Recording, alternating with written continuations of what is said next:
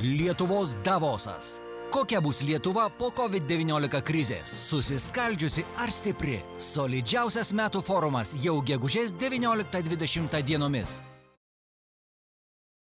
Labas, aš Timūras, man jau labai ataugo plaukai, bet geriau, šiandien aš jums papasakosiu tiek žinių apie bandymą spręsti medikų mobbingo problemą. Šiandien vykusias pratybas nuo brandolinės nelaimės, elektros kainų karą ir švietimo įstaigų reitingus. Podcast. Nemaloni ir jautri medikų mobbingo, dar vadinamo grupiniu engimu tema, prisiminta po jaunos Šiaulių ligoninės gydytojos savižudybės. Gydytoja buvo atleista iš ligoninės dėl darbo pareigų pažeidimo, tačiau prieš mirtį jį kreipėsi į darbo inspekciją pagalbos dėl patiriamo mobbingo. Psichologiniu smurtu ligoninės vadovybę kaltino ir kiti darbuotojai. Po sukrečiančios nelaimės socialinės apsaugos ir darbo ministrė Monika Navickienė suringė diskusiją su institucijomis. Po sustikimo jis sakė, kad oficialių skundų dėl mobbingo nėra daug. 2020 2010-aisiais darbo ginčių komisijoje buvo vos 32 atvejai, o darbo inspekcijoje 21 skundas. Esu įsitikinusi, kad atvejų yra daugiau, tiesiog žmonės bijo kreiptis. Tačiau situacija yra labai prasta. Ta tvirtina daugybė nedrasių, bet vis garsiau skambančių medikų balsų. Viena svarbiausių pristatytų naujovių - nauji pajėgumai darbo inspekcijoje ir planas. Atskirai nuo 22 metų turėti naują skyrių, kuris rūpintųsi būtent tik tai uh, psichikos uh, psichikos sveikatos klausimais darbe. Ministrė minėjo būtiną ligoninių vadovų rotaciją, jų vertinimą, reikalingą glaudesnį bendradarbiavimą su profesinėmis sąjungomis bei pačių organizacijų būtinybę iš vidaus keisti psichologinio klimato situaciją. Tiesa, dėl įstaigų vadovo rotacijos šiuo metu jau yra pateiktas įstatymo projektas. Tačiau Seimo sveikatos reikalų komiteto pirmininkas Antanas Matulas sako, kad didžiausia problema yra ne įstatymai, o žmonių baimė kalbėti. Galų gale viskas susiveda į tai, ką pasakė Monika Navickienė. Mes labai daug kovojam, tarkim, ir profesinės sąjungos už tai, kad turėtų darbuotojai tinkamą atlyginimą, tinkamą infrastruktūrą, kad veiktų liftai, tačiau psichosocialinės rizikos veiksniai vis dar yra tarsi tokia antrinė problema. O tokia situacija gali lemti daugiau nelaimių, kurios neturi būti pokyčių katalizatorius. Institucijos turi pakelti savo šiknas ir padaryti tai, kas turi būti padaryta. Kodėl? Kodėl mūsų šalyje, kol slunkiai ir tinginiai neužteršia viso miesto ar marių, kol nesaugioje perėjoje nenutrenkiamas vaikas, kol iš esmės nenutinka tragedija, niekas nieko nedaro. Gerbėmieji, jeigu jūs bijote darbe, jei jums grasina ar daromas spaudimas, netylėkite. Jei reikia, kreipkitės pagalbos. Ar šiandien išsigandote išgirdę kaukiančias sirenas? Ar pasijutote kaip seriale Černobilis? Jei ne, Tai nelabai gerai.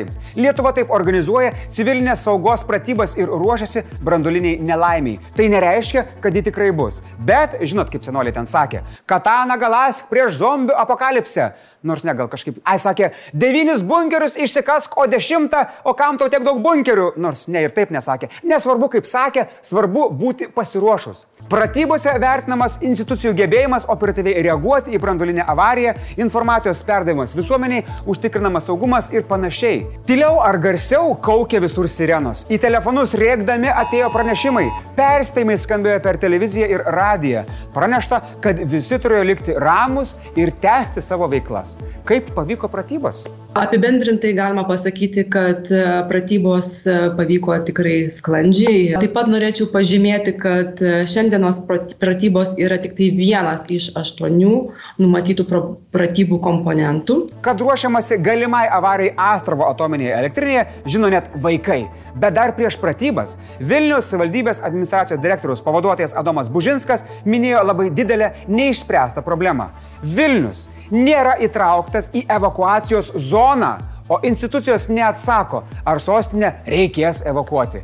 Pasak Bužinsko, nors vėjas nuo Astrovo atominės Vilniaus link pučia tik 16 dienų per metus, rizika vis tiek per didelė. Man net viena diena būtų per daug. O realybė negodžia. Tik 38 procentai Lietuvos gyventojų žinotų, ką daryti per brandulinę avariją.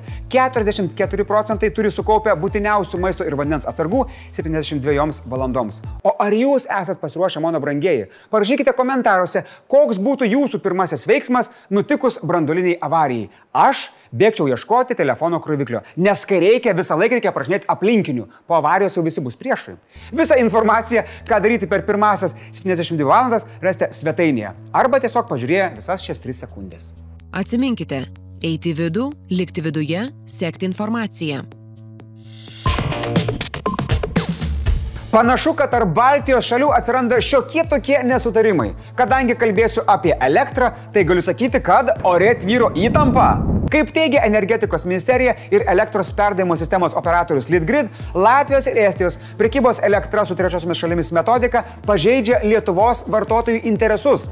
O tai reiškia, kad dėl to Lietuvoje dirbtinai pakyla elektros kainos, o kartu su tom kainom pakyla ir mūsų visų kraujospūdis ir tai yra labai blogai. Pasak energetikos viceministro Albino Zananavičiaus, tai mums gali kainuoti papildomus maždaug 100 lemų per metus. labai labai daug. Litgrid dėl pažeidimų kreipėsi į Latviją, o rinkos operatoriaus Nordpool paprašė pradėti tyrimą. Tikėtina, kad Lietuvoje elektros kainos pakilo dėl Latvijos operatoriaus dirbtinai ribojamo elektros pralaidumo į Lietuvą. Kaip teigia viceministras, akivaizdu, kad ta vieta, per kurią nepraeina elektra, yra Lietuvos Latvijos siena. Dėl to Latvijai moka mažiau, o mes turime mokėti daugiau. O tai broliukai Latvijai, nu? Litgrid generalinis direktorius Rokas Masiulis tikina, kad Latvijai ir Estai pasitvirtino metodiką, kuriai Lietuva nepritarė.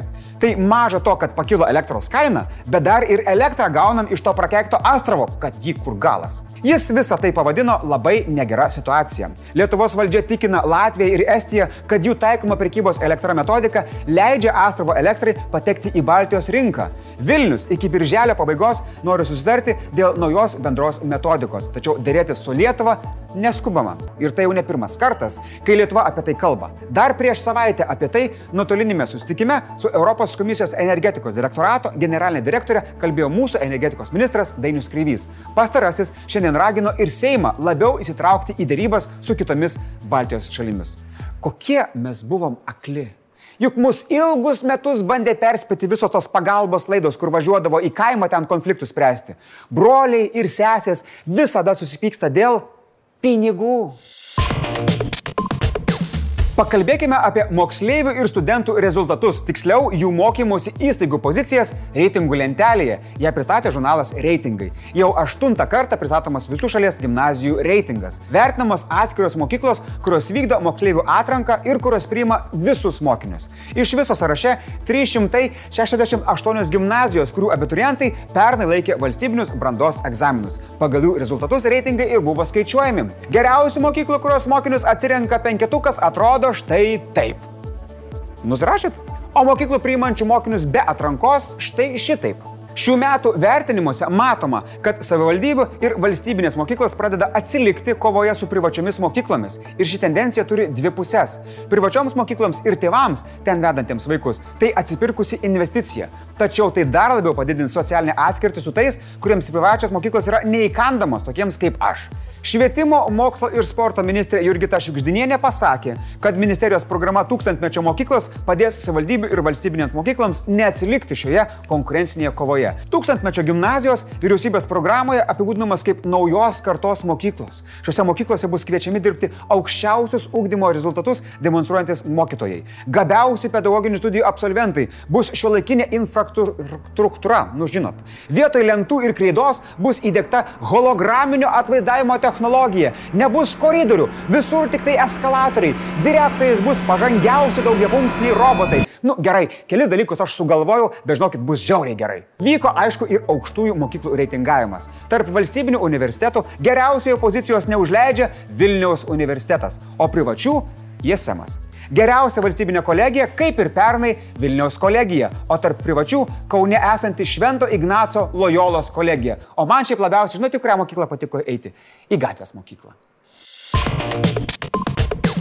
Blitz naujienos! Šalyje imunitetą nuo COVID-19 turi beveik Vienas milijonas žmonių.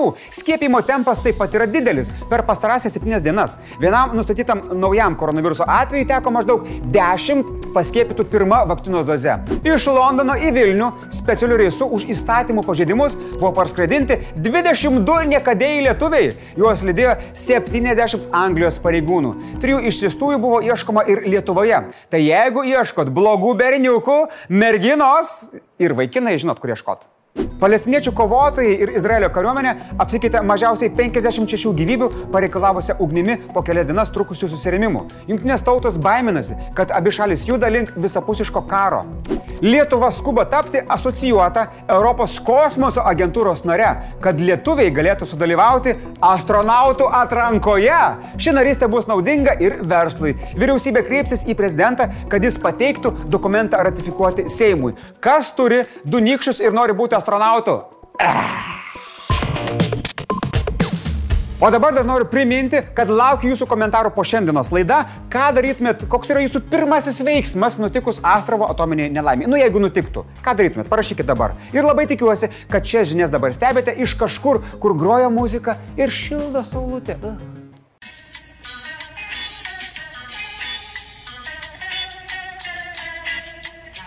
Šiandien tiek žinių iki rytojaus.